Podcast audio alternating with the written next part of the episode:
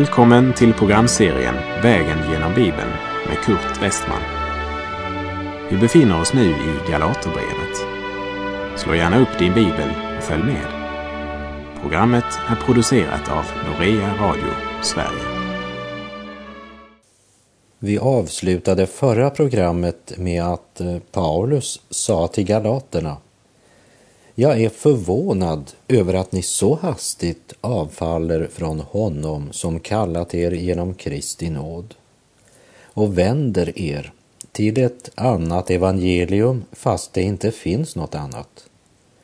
Däremot är det några som skapar förvirring bland er och vill förvränga Kristi evangelium. Man har ett tillägg till nådens evangelium. Det handlar mer om att göra något än om att tro något. Man förkunnar tron plus något annat snarare än tron plus ingenting. Och det är den äldsta villfarelse som predikas i Jesu namn. Och det budskapet sprids än idag i olika former. De troende i Galatien höll på att förlora friheten i Kristus. Och det är för att förhindra det som Paulus skriver sitt brev. Varje kult eller ism har något som du måste göra för att du ska bli frälst.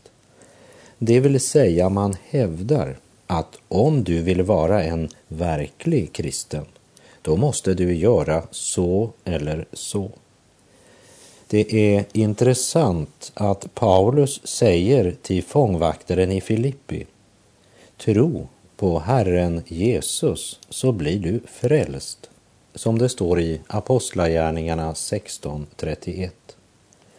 Och till judarnas höga råd sa Petrus i Apostlagärningarna 4.12. Hos ingen annan finns frälsningen. Inte heller finns det under himmelen något annat namn som givits åt människor genom vilket vi blir frälsta. Jesus gav apostlarna uppdraget att förkunna evangeliet om frälsning genom nåd. De skulle inte göra något för att uppnå frälsning, men de skulle tro vad Jesus redan hade gjort för dem. Evangeliet utesluter fullständigt alla egna gärningar. Därför är Paulus förvånad över att de så fort avföll från honom som kallat dem genom Kristi nåd och att de vänt sig till ett annat evangelium fast det inte finns något annat. Det var bara några som förvrängde Kristi evangelium. Vi läser i Galaterbrevet 1, vers 8. Men om det vore vi själva eller en ängel från himlen som predikade evangelium för er i strid med vad vi har predikat, så ska han vara under förbannelse. Ja, kraftigare än så här går det knappast att säga det. Paulus säger att om det så skulle vara en ängel så ville han bli tagen ur sin tjänst och förkastad om han förkunnade något annat än nådens evangelium. Så om det nu kom en ängel och uppenbarade sig för mig och gav mig följande budskap. Du är på rätt väg. Du har rätt så långt men du måste också göra något om du verkligen ska bli frälst. Eller om en ängel kom och uppenbarade sig för dig och läste upp följande budskap. Kurt Westman har nog rätt så långt som han går i sin undervisning, men det är något mera, något du måste göra. Då borde du och jag säga försvinn vi lyssnar inte, även om du är en ängel från himlen. I vår tid så hör jag många talare som försöker ge oss ett annat evangelium. och de kan nog verka änglalika i våra ögon. Men trots allt så är det inget att förvåna sig över. Satan själv gör sig ju lik en ljusets ängel. Därför är det inte underligt att också hans tjänare uppträder som om de var rättfärdighetens tjänare, säger Paulus i Andra Korinthierbrevet 11, vers 14 och 15. Men hör vad aposteln säger. Galaterbrevet 1, vers 9. Det vi redan har sagt säger jag nu än en gång. Om någon predikar evangelium för er i strid med vad ni har tagit emot, så skall han vara under förbannelse. Ja, klarare än så kan det väl inte sägas. Evangeliet stänger vägen för alla former för egna gärningar. Romarbrevet 4, vers 5 säger Men den som utan att bygga på gärningar tror på honom som förklarar den ogudaktige rättfärdig, honom tillräknas hans tro till rättfärdighet. Jag möter en hel del människor som tror att de måste bli goda nog eller bli värdiga att ta emot frälsningens gåva. Men det är ju verkligen att vända saken upp och ner. Man måste inte bli frisk för att få komma till lasarettet. Det är ju tvärtom. Man måste komma till lasarettet om man är sjuk.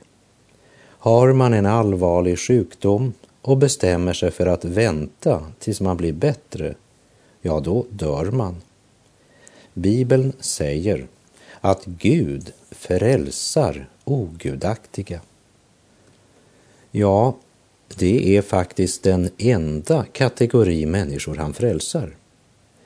Jesus själv sa att han inte hade kommit för att kalla rättfärdiga. Han kom för att kalla syndare. Och orsaken till att Jesus sa det, det är att det inte finns en enda människa som är rättfärdig. Nej, inte en. Vi läser profeten Jesaja kapitel 64 och vers 6. Vi blev allesammans lika orena människor och all vår rättfärdighet var som en fläckad klädnad.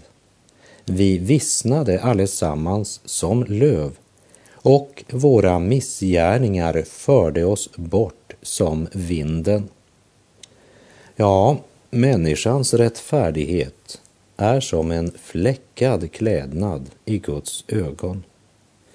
Lagen fördömer oss och det måste gå upp för oss så att vi verkligen står mållösa och stumma innan nåden kan frälsa oss. Romarbrevet 3, vers 19 säger Men vi vet att allt vad lagen säger, det talar den till dem som har lagen, för att var mun ska stoppas till och hela världen stå med skuld inför Gud. Det verkliga problemet är inte att människorna borde bli goda och värdiga nog att bli frälsta. Men problemet är att de inte är eländiga nog. Det vill säga, de är eländiga nog, men inser det inte. För det är alltid rent nog i ett kolmörkt rum. Människan vägrar att inse sin sanna ställning inför den helige Gud. Det är sanningen om den fallna människosläkten. Judaisterna förnekade inte evangeliets historiska sanningar. Att Jesus hade dött och var uppstånden. Men vad de förnekade, det var att detta var fullkomligt nog för att bli frälst. De hävdade att du var tvungen att hålla lagen och så tro på Kristus. Paulus säger att vem än det är som blandar lag och nåd, förbannad vare han. Varför? Därför att det är att förvränga Kristi evangelium.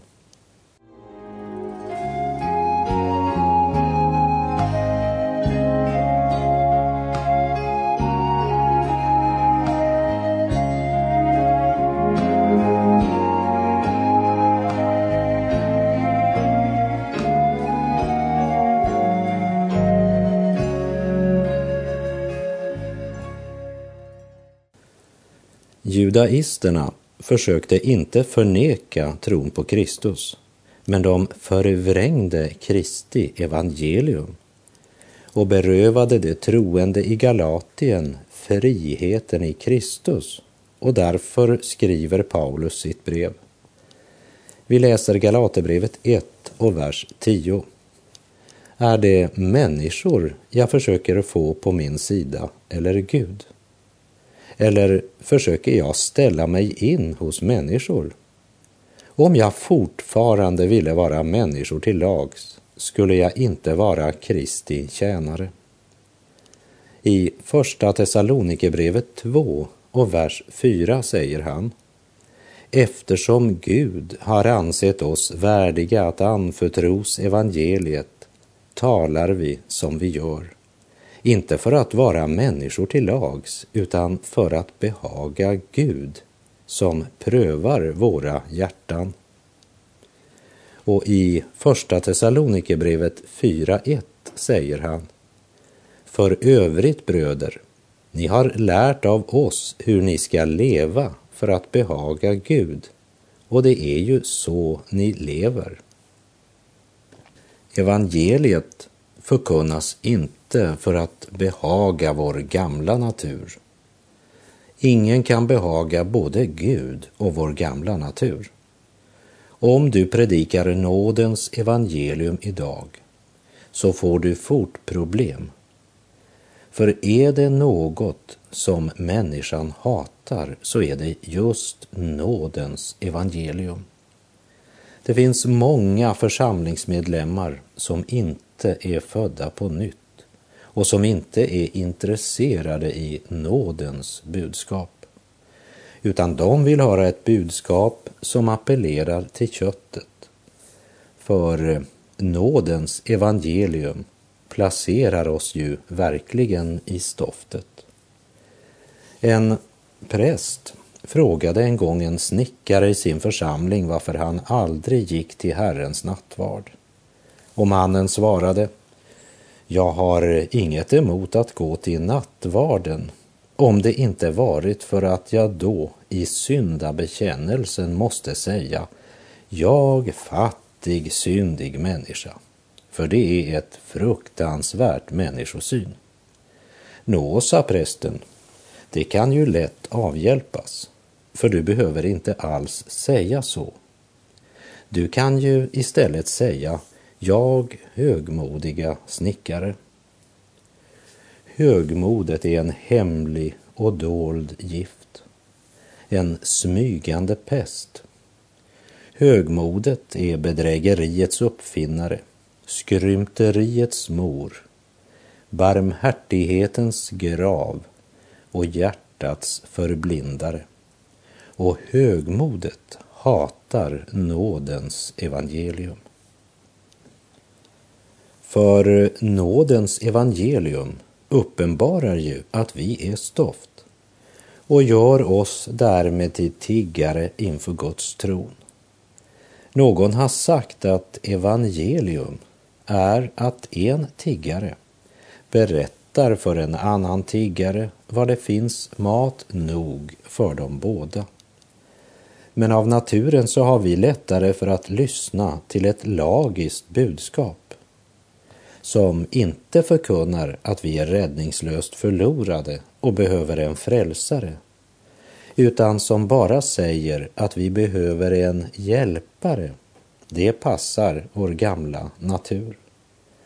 Men sanningen om oss är att vi håller på att sjunka för tredje gången och vi behöver någon som kan rädda oss.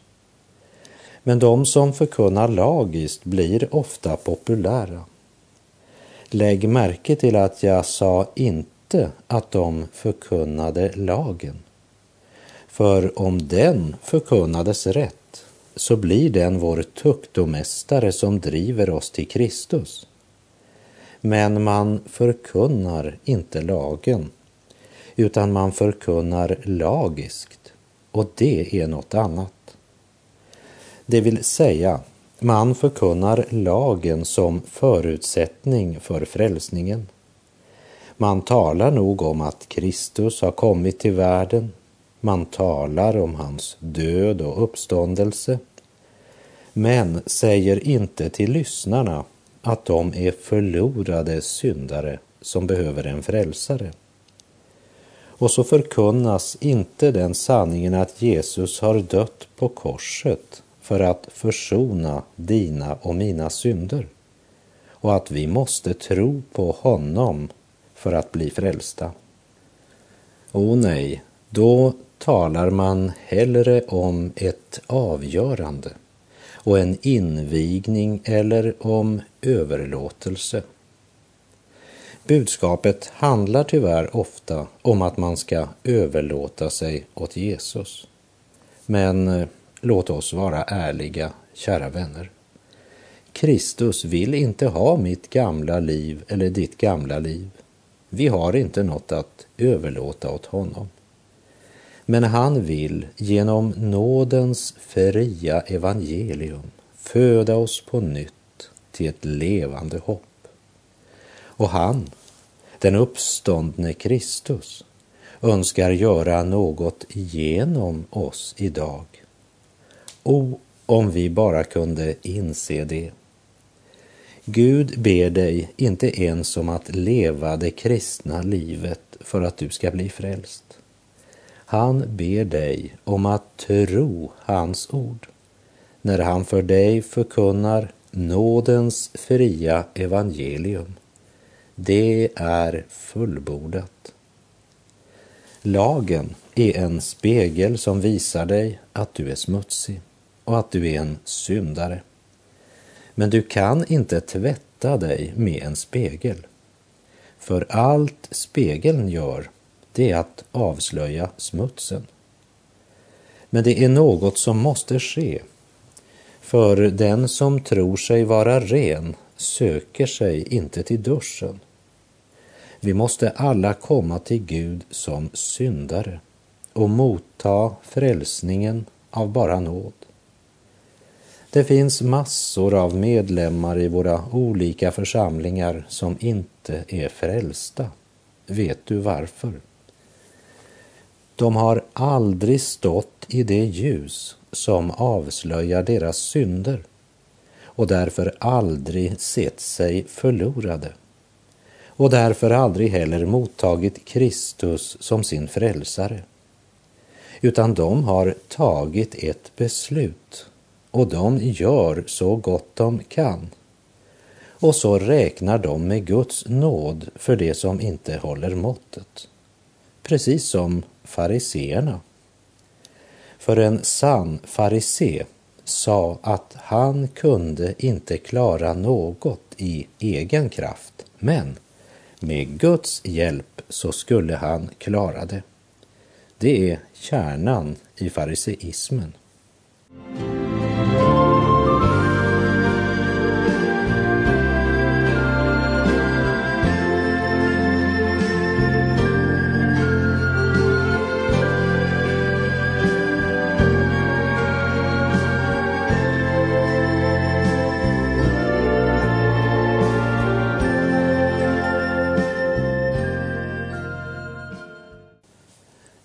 Ibland så möter jag människor som säger att de är trötta på talet om att alla människor är syndare som behöver komma till Kristus. Och en del säger att de tror mera på att hjälpa människor, vara hederlig och göra så gott man kan. Här vill jag ge ett exempel som en lärare på ett norskt gymnasium berättade för många, många år sedan medan jag bodde i Oslo. När det närmade sig examenstiden så frågade den här läraren en elev, vi kan kalla honom Kjell, varför han var så nervös inför den här examen. Ja, sa Kjell, det är ju sista året och avslutande examen. Och mycket av mina framtidsplaner hänger på hur det går på den här examen. Det är klart att jag är spänd. Ja, men, sa läraren, kan du inte lova mig, Kjell, att du gör så gott du kan på den här examen? Och ja, svarade Kjell, det vet du, Olav, att jag verkligen ska göra så gott som jag någonsin kan. Ja, men då behöver du inte vara orolig, sa läraren. För om du inte får godkänt så ska jag gå upp till sensorn och säga Kjell ska ha högsta betyg, för han har verkligen gjort så gott han bara kan. Men då skrattade Kjell och sa nej, nej du, de går inte på den. Går de inte på den? frågade läraren. Nej, sa Kjell, för det är aldrig frågan om jag har gjort så gott jag kan. Vad är det frågan om då? frågade läraren. Om det är rätt, det jag har gjort, svarade eleven. Just det. På domens dag när du ska stå inför Guds tron så blir det aldrig frågan om du har gjort så gott du kan. Det är bara en enda sak det gäller. Är det rätt, det du har gjort? Och det är inte efter vårt eget mått vi ska mätas. Inte heller efter grannens eller någon annan människas mening. Men efter den helige Gud och hans fullkomliga krav. Den som inser det, han förstår också att han behöver en frälsare. Kära vän, du har inget att överlåta till Kristus annat än dina synder. Men dem vill han så gärna överta. Han har betalat ett otroligt högt pris och utstått det förfärligaste lidande för att kunna ta bort just din synd.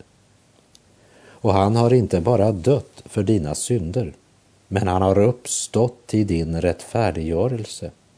Det vill säga, han har verkligen något att överlåta till dig om du bara ville ta emot det. Nämligen rättfärdigheten från Gud. Så att du kan bli funnen i honom. Inte med din egen rättfärdighet, den som kommer av lagen, utan med den som kommer genom tro på Kristus. Nämligen rättfärdigheten från Gud genom tron. Jesus, han har mottagit den lön som du hade förtjänat genom dina synder för att han skulle kunna överlåta till dig allt det som han har förtjänat. Och han ger det till dig som en gåva.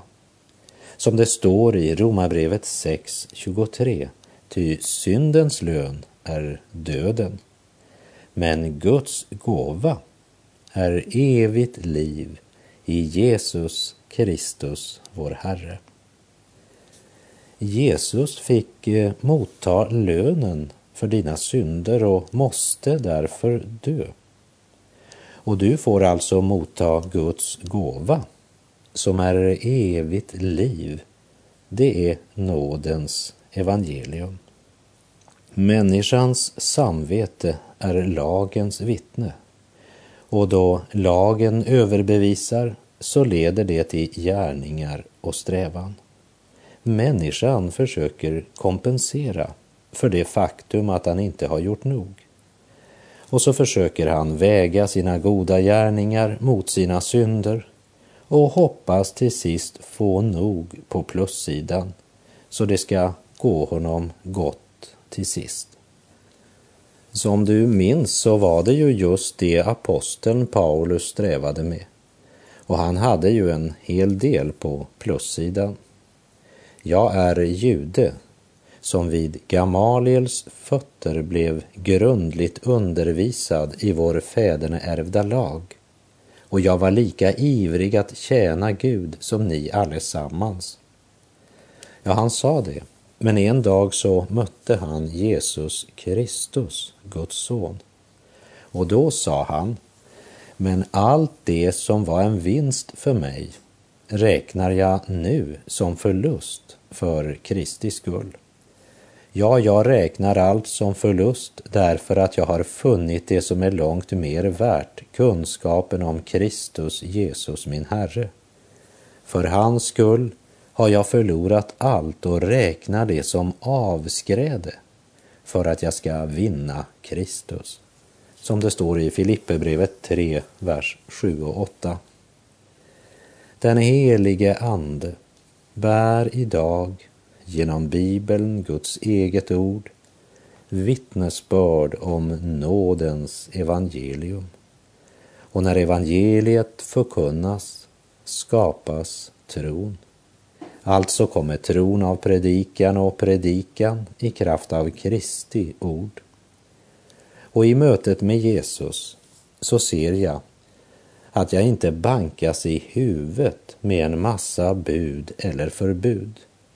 Men jag inbjuds till ett nytt liv där Kristus är min frid, mitt hopp, min glädje. Och får nådens evangelium ingång i mitt hjärta, då sker det något. Då uppenbaras att Kristus offrade sig för mina synder för att rädda mig ur den nuvarande onda tidsåldern efter vår Guds och Faders vilja. Tugga på den sättningen lite grann. För att rädda mig. Det är ganska fantastiskt om vi lägger märke till vad Guds ord egentligen säger. För att rädda mig.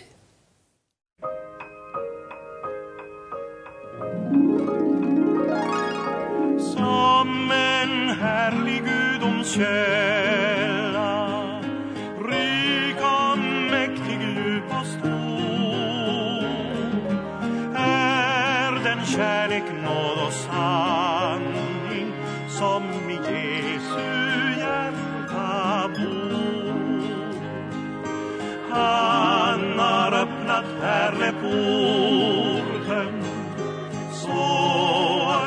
kan komma in.